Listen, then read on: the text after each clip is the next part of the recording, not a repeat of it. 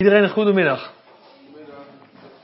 Ik hoop dat jullie uh, verlangen hebben om het woord van God uh, te horen en te gehoorzamen.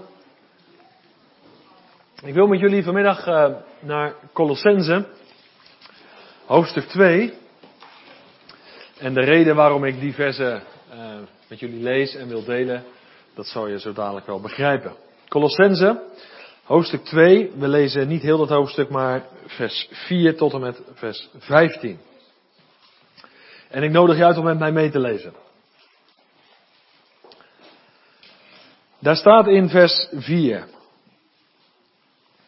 En dit zeg ik, opdat niemand u misleide met mooi klinkende redeneringen. Want al ben ik lichamelijk afwezig, de Colossensebrief die behoort tot de gevangenisbrieven van Paulus, dus waarschijnlijk zat hij in de gevangenis toen hij deze brief schreef. En daarom zegt hij ook, ik, uh, ik ben afwezig, maar toch. In de geest ben ik bij u. Ik zie met blijdschap de goede orde onder u en de vastheid van uw geloof in Christus. Zoals u dan Christus Jezus de Heer hebt aangenomen, wandel in Hem. Geworteld en opgebouwd in Hem. En bevestigd in het geloof zoals u onderwezen bent. Wees daarin overvloedig met dankzegging. En pas op dat niemand u als een buit meesleept door de filosofie en inhoudsloze verleiding. Volgens de overlevering van de mensen, volgens de grondbeginselen van de wereld, maar niet volgens Christus. Want in Hem woont heel de volheid van de Godheid lichamelijk. En u bent volmaakt geworden in Hem, die het hoofd is van iedere overheid en macht. In Hem bent u ook besneden met een besnijdenis die niet met handen plaatsvindt. Door het uittrekken van het lichaam van de zonde van het vlees, door de besnijdenis van Christus. U bent immers met Hem begraven in de doop waarin u ook met Hem bent opgewekt door het geloof van de werking van God die hem uit de doden heeft opgewekt. En hij heeft u, toen u dood was in de overtredingen en het onbesneden zijn van uw vlees, samen met hem levend gemaakt door al uw overtredingen te vergeven. En het handschrift dat tegen ons getuigde uit te wissen. Dit handschrift was met zijn bepalingen tegen ons gericht. En hij heeft dat uit het midden weggenomen door het aan het kruis te nagelen. En hij heeft de overheden en de machten ontwapend en die openlijk te schande gemaakt en daardoor over hen getriomfeerd. Amen. Dat zijn uh, heerlijke versen, vers 4 tot en met vers 15. En ik wil vanmiddag met name, ook in het kader van het avondmaal en de doop, met jullie nadenken over vers 11 en over vers 12.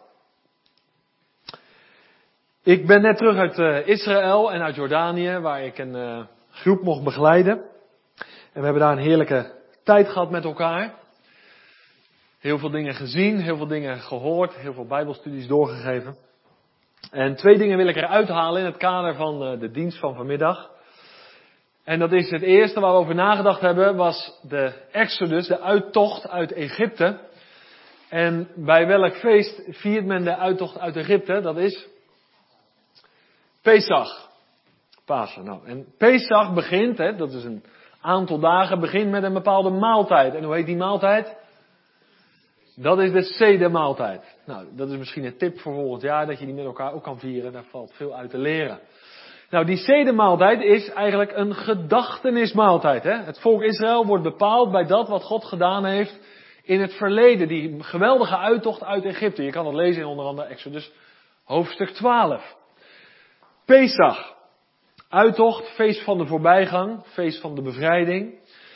En die wordt begonnen met de zedemaaltijd. En daarin denkt men terug. Nou, avondmaal is ook een gedachtenismaaltijd. We denken terug aan wat de Heer Jezus voor en met ons heeft gedaan. Het tweede, wat we tijdens die reis, uh, althans wat we onder andere hebben overdacht, dat is misschien wat minder bekend voor jullie, maar we bezochten ook een mikwe. Ik weet niet of je weet wat dat is dat is een groot uh, badhuis waar dan uh, de Joden een geestelijke reinigingsrite ondergaan. daar gaan ze, worden ze helemaal ondergedompeld. En dat is niet zozeer om zich lichamelijk te reinigen, maar dat is een uh, geestelijke geestelijk reinigingsritueel. Nou, nou zeg ik niet dat dat één op één staat met de doop. Maar zowel die zedemaaltijd als dat mikwe is eigenlijk een beeld van avondmaal en doop. Er lopen parallellen. En waar ik naartoe wil, is dat je die twee verschijnselen al in het Eerste Testament tegenkomt. Maar de Heer zelf heeft doop en avondmaal ingesteld.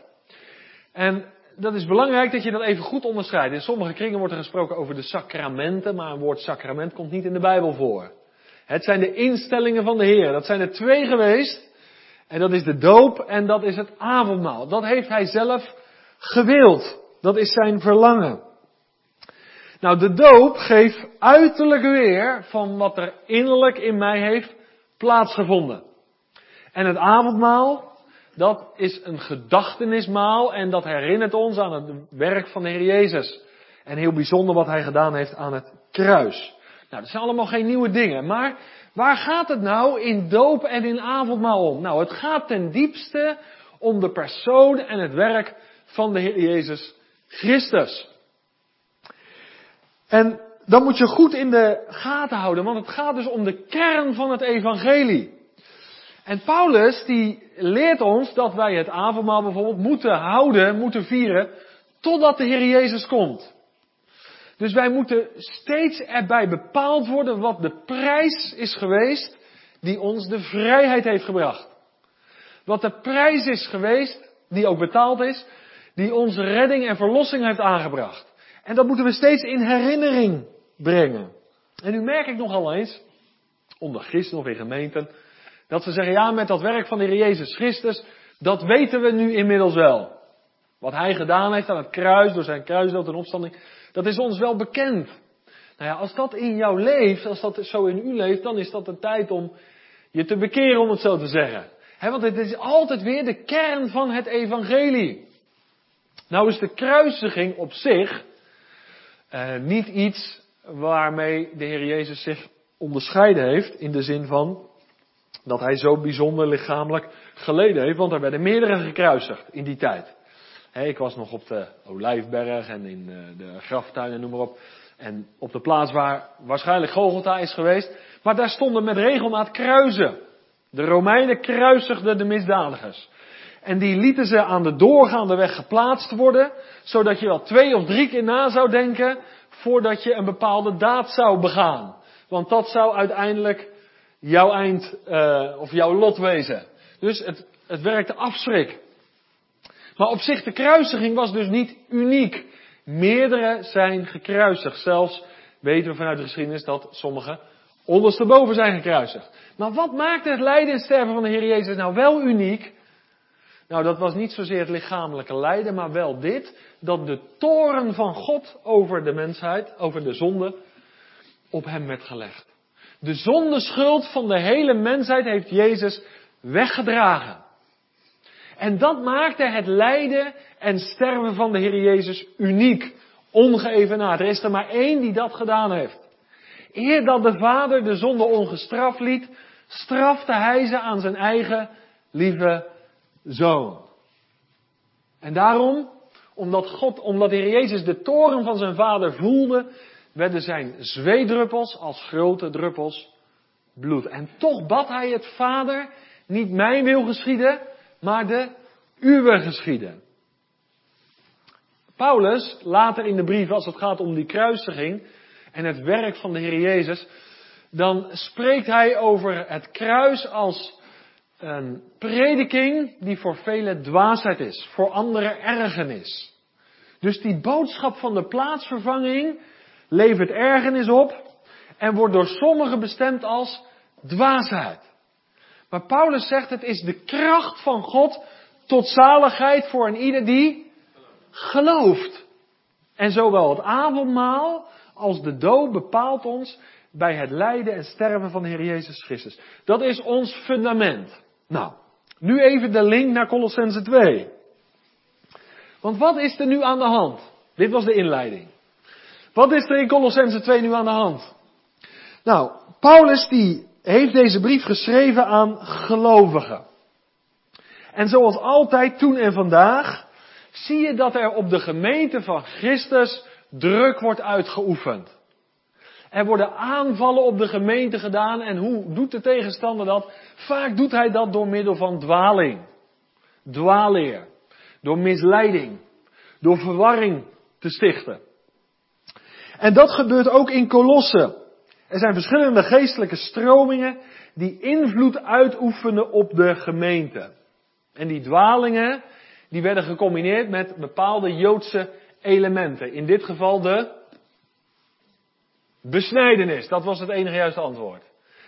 Dus er kwamen dwaalleraars binnen, die verkondigden bepaalde leer en dat vermengden ze met bepaalde Joodse elementen. En in dit geval gaat het om de besnijdenis. En je ziet het gevolg. Wat is het gevolg? Dat de gelovigen in Kolossen afgeleid werden van de kern van het evangelie. Daarom die inleiding. Ze werden eigenlijk weggetrokken bij de kruisdood en opstanding van de Heer Jezus als het fundament van hun geloofsleven en als het hart van het christelijke geloof. Want wat zeiden ze? Ja, jullie geloven wel in de Heer Jezus in Kolossen, maar je bent nog niet besneden. Dus je stelt je vertrouwen wel op dat volmaakte offer, op het volmaakte lam, maar uiteindelijk heb je nog niet de volledigheid ontvangen. Want je bent nog niet besneden. Nou, laat ik het heel eenvoudig uitdrukken. Dat zou je kunnen noemen een soort Jezus plus evangelie. En dat is door de geschiedenis heen altijd al een gevaar geweest. En door de geschiedenis heen zijn er altijd andere plusjes. En je zou een hele lijst kunnen maken. Hè? Een plusje kan ook bijvoorbeeld Israël zijn. Dat je heel erg gefocust bent op Israël. Terwijl Israël wel een heel belangrijk Bijbels thema is, laat dat duidelijk zijn. Maar als dat je doel wordt, dan leidt dat heel vaak af van het kruis van de Heer Jezus Christus. Voor een ander is de beleidenis en de beleidenisgeschriften zijn een plus. we lezen de Bijbel door de beleidenis heen.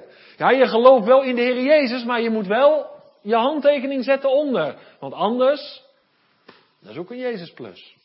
Weer een andere categorie. Die zijn altijd bezig met de gaven van de geest. Zijn die er niet dan? Die zijn er zeker wel. Maar als dat je doel op zich wordt, dan loop je het risico om bij de kern van het evangelie vandaan getrokken te worden. Dan wordt je zicht op de Heer Jezus vertroebeld. Nou, je kan zo wat plussen invullen. Misschien heb ik die van jou of van u niet genoemd. Maar je begrijpt waar ik heen wil. En het zijn allemaal thema's die op zich een plek hebben, misschien in de Bijbel, maar die niet behoren tot de kern. Althans, ik moet het anders zeggen, niet zijn er de thema's waar je als eerste op gericht moet zijn. En Paulus is een echte herder en ook een echte leraar. En hij voelt hier in Kolosse, er wordt een aanslag gedaan op de persoon en het werk van de Heer Jezus Christus. En dan is het net een leeuw. Dan werpt hij zich in de strijd. En gaat hij de gelovigen beschermen. Want wat gebeurt er? Die gelovigen daar, die raken vertwijfeld. En het lijkt alsof het geloof in de Heer Jezus en zijn volmaakte offer niet voldoende is. Nou, dan kan je verward raken, toch? Er zijn wat mensen vandaag verward in de christelijke gemeente. Er zijn veel mensen vandaag vertwijfeld. En waar heeft het vaak mee te maken? Met misleiding. Met dwaling. En als je je Bijbel dan niet kent, dan ben je geneigd om daar al heel snel in mee te gaan. En door je in te laten met dwaalleer. En ja, dan zie je mensen afhaken. Ze gaan het elders zoeken. Ze hebben weer wat nieuws uitgevonden. En men heeft ook behoefte aan steeds wat nieuws. Dat is ook een kenmerk van deze tijd. Maar ze komen niet tot een stabiel, geestvervuld leven. En dat heeft vaak te maken met dwaling. Alleen, men onderscheidt het vaak niet. En daarom is het zo belangrijk dat je je Bijbel kent. Daarom is het zo belangrijk dat je Bijbelstudie doet. Niet om maar Bijbelstudie te doen, maar om de waarheid van God tot je te nemen en de waarheid maakt je vrij. En als de Heer Jezus het middelpunt van je leven is en zijn offer het fundament, dan mag je van daaruit allerlei thema's onderzoeken. En dan mag je van daaruit openstellen voor heel veel onderwerpen. Maar dan is je focus wel de juiste. En dan zal je volharden tot het einde. Nou, hier zie je dus, er wordt afbreuk gedaan aan de kern van het evangelie. De vraag hier in Kolosse is, moet je nou als gelovige besneden zijn of niet? Dat is een belangrijke vraag. We gaan naar Genesis 17, hoef je niet op te zoeken. Maar daar komen we die besnijdenis als eerste tegen. Het verbond wat God sloot met Abraham. Nou, alle verbonden in de Bijbel, als je ze opzoekt, dan zijn er misschien wel zes, zeven, acht verbonden. Die zijn allemaal gesloten met Israël. Ook het verbond in Genesis 17. Nou, in dat verbond, tot dat verbond, behoort een bepaald land. Nou, dat land hebben ze nog niet. Dat is veel groter dan wat ze nu hebben. Maar dat zit er nog aan te komen. En aan dat verbond, dat is gewoon een overeenkomst tussen de Heere God en Israël, was ook een uiterlijk teken verbonden. En dat was het teken van de besnijdenis. En dat vond plaats op de achtste dag. Waarom? Wie weet het? Dan stolt het bloed het beste. Dat is het juiste argument. Dat weten wij nu door de wetenschap, maar de Heere God wist het al voor die tijd. Mooi hè? Daarom is het gewoon belangrijk om gehoorzaam te zijn aan het woord van God. Hij heeft alles al van tevoren uitgedacht. Maar het stollingsproces is op de achtste dag uh, het allerbeste. Dus dat jongetje werd besneden op de achtste dag. Zijn voorhuid werd weggesneden. En daarmee werd het, luister goed, het onreine deel weggesneden. En ik heb begrepen dat dat onreine deel ook werd begraven. Dat was het uiterlijk teken dat God zijn verbond had gesloten met Israël. En dat verbond staat tot op de dag van vandaag. Dat moet je goed vasthouden. Dus die besnijdenis gaat ook door tot op de dag van vandaag. Maar voor wie geldt die, dat verbondsteken? Dat geldt voor de natuurlijke nakomelingen van Abraham. Kijk, wij noemen Abraham onze vader. Waarom? Hij is onze geestelijke vader en dat heeft te maken met het feit dat wij hetzelfde type geloof praktiseren als Abraham. Abraham geloofde God en het is hem tot rechtvaardigheid gerekend. Daarom is hij onze vader. Dat heeft niet te maken met onze natuurlijke afstamming. Dat moet je goed onderscheiden. Maar dit teken is voor de natuurlijke nakomelingen. En als Paulus dan die vraag naar zich toe krijgt in de Colossensebrief, moeten die heidenen dan ook besneden worden? Dan is hij daar heel stellig in. Dan zegt hij, nee, jullie hoeven niet besneden te worden. Dat heeft God heel bijzonder aan zijn eigen volk voorbehouden. Nou, die besnijdenis op de achtste dag noemt de Bijbel een besnijdenis die met handen plaatsvindt. Nou, dat is logisch toch? Hoef je niet voor gestudeerd te hebben. Daar wordt gewoon weggesneden met je handen en met een mes, klaar. Dat is de eerste besnijdenis. Die geldt voor elke Jood. Maar Paulus, hij zegt iets heel belangrijks. Hij zegt, jullie hoeven je in Kolossen niet te laten verwarren. Of je nou wel of niet besneden moet worden. Ik zeg je in de naam van mijn meester. Jullie die tot geloof zijn gekomen, zijn reeds besneden. Maar ja, dat vraagt natuurlijk een uitleg, want misschien vraagt iemand wel, nou ik weet er verder niks van en mijn ouders hebben het me nooit verteld. Nou, hij zegt, als je tot wedergeboorte bent gekomen, als je tot geloof bent gekomen, dan heb je ook een besnijdenis ondergaan. Dat is wat Paulus je uitlegt. Dus je hoeft je helemaal niet druk te maken. Je bent besneden. Hoe dan, Paulus? Nou, niet zozeer op de achtste dag, want dat geldt niet voor jou als heiden. Maar jij hebt een geestelijke besnijdenis ondergaan. En dat noemt de Bijbel, om het zo te zeggen, een besnijdenis die zonder handen geschiet. Nou, dan heb je weer wat geleerd. Je hebt dus twee soorten besnijdenis. Eentje die met handen geschiet en eentje zonder handen. Een geestelijke, dat is de besnijdenis van je hart. Daar gaat het om. En die tweede besnijdenis, die gaat twee, drie stappen dieper dan die lichamelijke besnijdenis. En die tweede besnijdenis is noodzakelijk voor Jood en voor Heiden.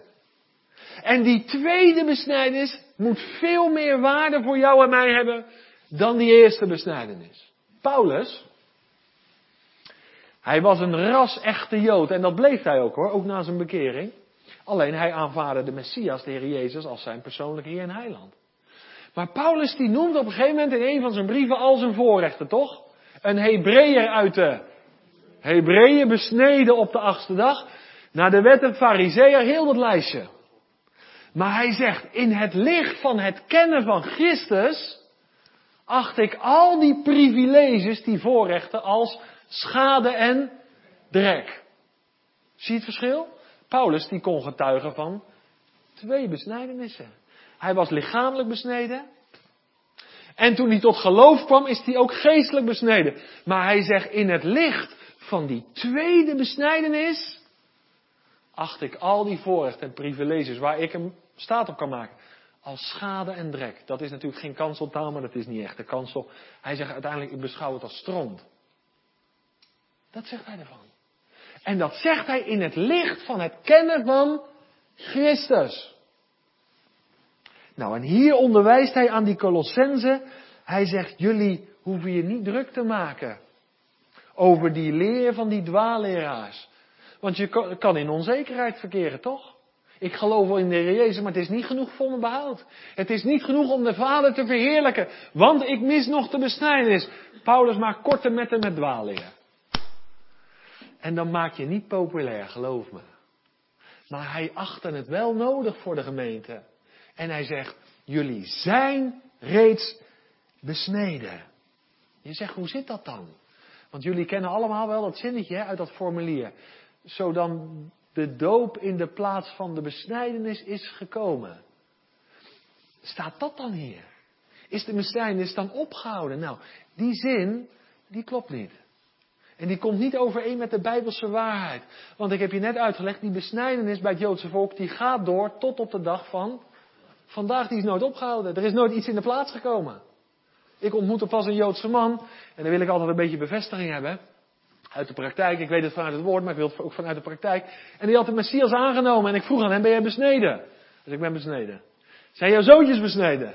Die zijn besneden, ja. Waarom zijn ze besneden? Wij zijn natuurlijke nakomelingen van Abraham. Ik zeg, maar jij bent tot geloof gekomen. Heb jij je laten dopen? Hij zei, ja, ik heb me ook laten dopen, ja. Want dat is niet hetzelfde, dat is niet een in de plaatsstelling, dat is allemaal vervangingstheologie. De doop is totaal iets anders. Maar waarom noemt Paulus in Colossense 2, vers 11, die twee wel in één en dezelfde tekst? Nou, komt ie. Hij zegt niet, het is in de plaats van gekomen. Hij zegt, tussen de besnijdenis en de doop loopt een parallel. Dat is wat hij uitlegt. En dat was een openbaring toen ik dat voor het eerst ontdekte in mijn Bijbel. Het is niet in de plaats gekomen, er loopt een parallel. Wat is de parallel, vraagt iemand. Nou, zoals de beide besnijdenis, die eerste die met handen geschiet, het onreine deel wordt weggesneden en wordt weggedaan, zo is bij de doop sprake, je kan zeggen, eh, de doop getuig van geloof. En toen ik tot geloof kwam, is het onreine deel van mijn hart weggenomen en begraven. Er is dus niet een in de plaatsstelling, maar er loopt een parallel. En dat is zo belangrijk om vandaag goed te onthouden. Want dit is wat Paulus duidelijk wil maken. Hij zegt, jullie hebben een besnijdenis ondergegaan, Colossense, die zonder handen geschiet. Een geestelijke. Nou is dat niet helemaal nieuw. Want in het Eerste Testament, als je meeschrijft, kan je dat opschrijven. Jeremia 4, vers 4. Daar lees je over het volk van Israël, wat zondigde, wat afvoereerde. En toen zei de profeet, laat je besnijden en doe weg de voorhuid van je hart. Dus Israël moest zich bekeren. Ze moesten afstand doen van dat slechte leven. Daar zie je het beeld al terugkomen. En dat is wat Paulus onder het nieuwe verbond bedoelt met de besnijdenis van hart. Hij noemt dat het uittrekken van het lichaam van de zonde van het vlees. Nou, als je schrift met schrift vergelijkt, en vooral de Romeinenbrief van Paulus is daarin belangrijk, wat bedoelt Paulus dan met dat vlees? Wat bedoelt hij dan met, dat oude, met de oude mens? Nou, ik hoop dat je daarvan kan getuigen vanmiddag zoals je hier bent. Er was een tijd in je leven dat je de Heer nog niet kende. Amen? Nou, dat klinkt nog niet heel enthousiast, maar het gaat erom dat je meedoet en meedenkt. Er was een tijd dat je de Heer nog niet kende. Waardoor werd jouw leven destijds gekenmerkt? Nou, ik, ik leefde onder beheer van Satan. Dat zei ik natuurlijk zo niet. Dat begrijp je wel. Ik, ik kleedde dat wel degelijk in. Maar ik leefde onder heerschappij van Satan. De zonden beheersten mijn leven. Ik was een slaaf van de zonde. Dat noemen wij ons eertijds. Dat noemen wij ons oude leven. Dat noemen wij de tijd dat we voor onszelf leefden. Egocentrisch. Ik gericht. Ikke, ikke en de rest kan stikken. En we overgoten dat natuurlijk met een godsdienstig sausje. Daar waren we wel deskundig in, natuurlijk. Maar uiteindelijk leefden we zonder God. En de Efezebrief zegt zonder hoop in de wereld. Dat was meer tijd. Ik leefde in de zonde. Ik, ik was onder beheer van Satan. Ik, ik, was, ja, ik, had een, ik had een varkensnatuur. Kijk, een varken die kan je uit de modder halen. En die kan je afspuiten met je kerger. Maar met dat je de slang oprolt en ophangt, ligt hij alweer in de modder. Hoe komt dat? De modder is zijn levenselement. Hij voelt zich daar thuis in. Hij vindt niks lekkerders en heerlijker dan de modder. Maar een kat, kijk, ik zeg niet dat een kat niet in de modder kan vallen. Dat zeg ik niet. Soms loopt hij op een heel smal muurtje en dan denk je, gaat dat goed, gaat dat goed? En 9,5 van de 10 keer gaat het goed, maar die ene keer stapt hij mis en valt hij wel in de modder. Maar het is niet zijn levenselement, hè. Hij springt eruit en hij maakt zich met zijn eigen pootjes schoon. Hij wil ver weg blijven van die modder. Waarom? Het is niet zijn natuur. Het is niet zijn levenselement. Hij voelt zich daar niet in op zijn gemak. Nou, mijn eertijds werd gekenmerkt door een varkensnatuur. Dan weet je gelijk ook hoe dat was. Ik leefde in de modder, het was mijn levenselement. Maar ik heb een nieuwe natuur gekregen. Wanneer gebeurde dat? Toen ik tot geloof kwam. En toen is dat oude leven, ja, het is een beetje beestachtig wat ik allemaal zeg vanmiddag, maar je begrijpt wat ik bedoel. Toen is die varkensnatuur met Christus aan het kruis gegaan. Dat is het onreine deel van mijn leven. Het onreine deel van mijn hart is met Christus gekruisigd. En dit is wat Paulus hier bedoelt. Hij zegt, Colossense, geloof je in de Jezus? Amen.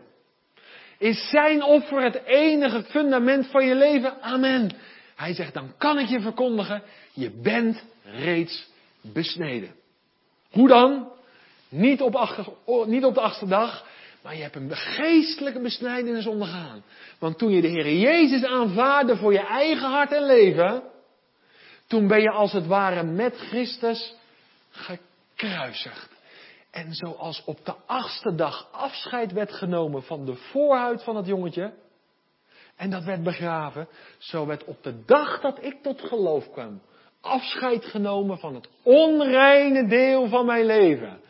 Dat eertijds, dat ik gerichte leven, werd aan het kruis genageld. En het, hoe staat het hier? Handschrift wat tegen mij getuigde, werd aan het kruis genageld. Amen. En dat noemt de Bijbel een geestelijke besnijdenis. En dit is zo belangrijk. En nu kom ik in veel gemeenten. En wat ik vaak merk, waar de amens wel klinken, is als ik zeg, is de Heer Jezus voor u, voor jou gestorven? Dan zegt iedereen ja. Fijn, halleluja, prijs de. En dat is zo. Maar als ik die tweede vraag stel, ben je ook besneden? Ben je geestelijk besneden? Met andere woorden, ben jij zelf aan het kruis gegaan? Dat vinden we vaak moeilijker, hè? Nou moet ik in Kester oppassen wat ik zeg. Maar er werd eens een toneelstuk opgevoerd. Het gaat even om het idee, om het plaatje, om het duidelijk te maken. Van de kruisiging van de Heer Jezus. En dat moest een, een, een groep 8 doen van de basisschool. En één iemand speelde de Heer Jezus na. En die jongen die hing aan het kruis. En die moest daar hangen als zijnde stervende en op een gegeven moment gestorven. Maar klasgenoten die gingen hem bespotten. Het gaat even om het beeld. Hè? En hij zou niet reageren, dat was de afspraak. Want ja, de Heer Jezus, als een lam is hij ter slachting geleid. En hij deed zijn mond niet open. Dus die jongen die hing daar, maar die vriendjes van hem, die bespotten hem. En op een gegeven moment bespuugden ze hem. En toen werd hij zo nijdig. En hij probeerde zich van het kruis af te brengen. Maar dat was het duidelijkste bewijs dat hij nog niet was gestorven. En dat was nou net wat duidelijk gemaakt moest worden. En dit is wat Paulus leert. Christus is niet alleen voor mij gestorven, maar ik ben ook met hem gestorven. En daar hang ik. Hey. En dan ga je heel anders reageren in je nieuwe leven, op situaties en op personen. Ga je heel anders, ga je Christus leren kennen. Dat onreine deel is van me afgenomen. Ze kennen je niet meer terug in Kesteren, joh. Wat is er met jou gebeurd? Nou, Jezus is niet alleen voor mij gestorven, ik ben ook met hem gestorven. Ik heb een geestelijke besnijdenis ondergaan. Leg het eens uit, vragen ze morgen aan je. Of vanavond onder de koffie. Nou, dan heb je wat moois te vertellen. En als gevolg daarvan, nou komen we bij vers 12. U bent immers met hem begraven in de doop waarin u ook met hem bent opgewekt door het geloof van de werking van God die hem uit de doden heeft opgewekt. Even een heel eenvoudige vraag, kan iedereen antwoord op geven. Wat gebeurde er met de Heer Jezus toen hij was gestorven? Toen haalden ze hem van het en toen legden ze hem in een graf. Wie begraven we? Zij die zijn gestorven. Je kan niet iemand begraven die nog leeft. Hoe is het geestelijk? Wie begraven we geestelijk? Dat zijn zij die geestelijk zijn gestorven, die met Paulus kunnen getuigen, ik leef niet meer, maar Christus leeft in mij. En nou komt er een hele confronterende vraag. Maar hoeveel staan er hier in Kesteren nog boven aarde die begraven moeten worden? Want het is volgende week een dooddienst. Iemand die geestelijk niet gestorven is. Iemand die niet kan getuigen. Ik ben met Christus gekruisigd. Die kunnen we ook niet begraven. Die kunnen we ook niet dopen. Daarom word je gedoopt op grond van je getuigenis. Geloofsgetuigenis. En in dat getuigenis vertel je iets. Dat je aan het einde bent gekomen van je eigen krachten van je eigen denken, van je eigen kunnen. En dat je je hebt overgegeven en dat er een moment kwam dat je getuigde, ik heb geknield bij het kruis van Jezus en mijn keuze is gedaan. En dat je met de Colossense kan getuigen, dat onreine deel van mijn hart is weggenomen. Ik leef niet meer. Maar Christus leeft in mij. En dan ben je het meest geschikte voorwerp om te begraven. En Paulus zegt, dit is eenvoudig wat er gebeurt. Jullie zijn geestelijk besneden, vers 11. Dus maak je niet druk over die dwaalleraars. Die dwaaling gaat de kliko in. Je hoeft je lichamelijk niet te laten besnijden. Waarom niet? Je bent geestelijk reeds besneden. Dwaling gepareerd. We staan in de vrijheid. In Christus een nieuwe schepping. En als gevolg daarvan laten we ons dopen. En begraven doen wij niet onder drie korrels, toch? Begraven doen we onder een dikke laag aardezand. En zo is het geestelijk ook. En daarom gaan we met Christus onder in dat watergraf. Dat onreine deel gaan we symbolisch ook wegbrengen. We nemen er afstand van. En we staan op in een nieuw levensterrein waar de Heer Jezus het voor het zeggen heeft. Waar ik geleid word door de Heilige Geest, die mij leidt in de waarheid en de waarheid maakt mij vrij. En de doop is een aan-publiek getuigenis. Een uiterlijk getuigenis. Van een proces wat zich innerlijk heeft voltrokken. En innerlijk ben ik gestorven. Nou, dat gaan de mensen in Kesteren op Heusden merken. En dat is het spannende, want dat nieuwe leven kan niet verborgen blijven, want wij staan met Hem op. En dat nieuwe leven wordt zichtbaar. En het is zo belangrijk dat dat ook gebeurt. En dat is een proces, laat me dat duidelijk maken. Ik zeg altijd drie stappen vooruit, twee stappen achteruit, per saldo één winst. Dat is voor geestelijke groei of niet? Zo worden wij gevormd van heerlijkheid tot heerlijkheid. En met de doop getuig ik, ik ben niet meer van mezelf. Ik sta aan de kant, luister goed, van de verworpen Jezus. Daar voel ik me één mee. Daar ben ik hecht mee verbonden. Ja, ik ben één plant met Hem geworden. En ik ben nu ondaan van wat mij vroeger kenmerkte. En wat was dat? dat was de zonden. De zonde was mijn levenselement. En nu kan ik nog wel vallen, maar ik kan er niet in blijven liggen. Herken je dat proces in je leven? Dat is toch een wonderlijk iets. Er is echt iets nieuws gekomen. Nee, ik ben een totaal nieuwe schepping geworden. De doop door onderdompeling, broeders, zusters, geeft een uiterlijke illustratie van de, het innerlijke proces wat zich heeft voltrokken. En daarom de doop is dus niet in de plaats van de besnijdenis gekomen, maar de doop is een getuigenis van de besnijdenis van ons. Dat wil de apostel duidelijk maken. Ik ga stoppen. Ik ga eindigen. De vraag van het Eerste Testament was, waar is het lam? Het antwoord in het Tweede Testament is, zie het lam. En straks in de heerlijkheid zullen we met elkaar getuigen en zingen. Waardig is het lam. De vraag, de aanwijzing en de verheerlijking van het lam. En als dit je leven is, als je hier amen op kan zeggen, dan kan je deelnemen aan brood en aan wijn. En als dit je leven is, dan zou ik zeggen, sta op en laat je dopen. Voor zover je dat besluit nog niet hebt genomen. En hoor niet alleen de woorden van God, maar gehoorzaam ze ook. En de vrede van God zal je deel zijn. Amen.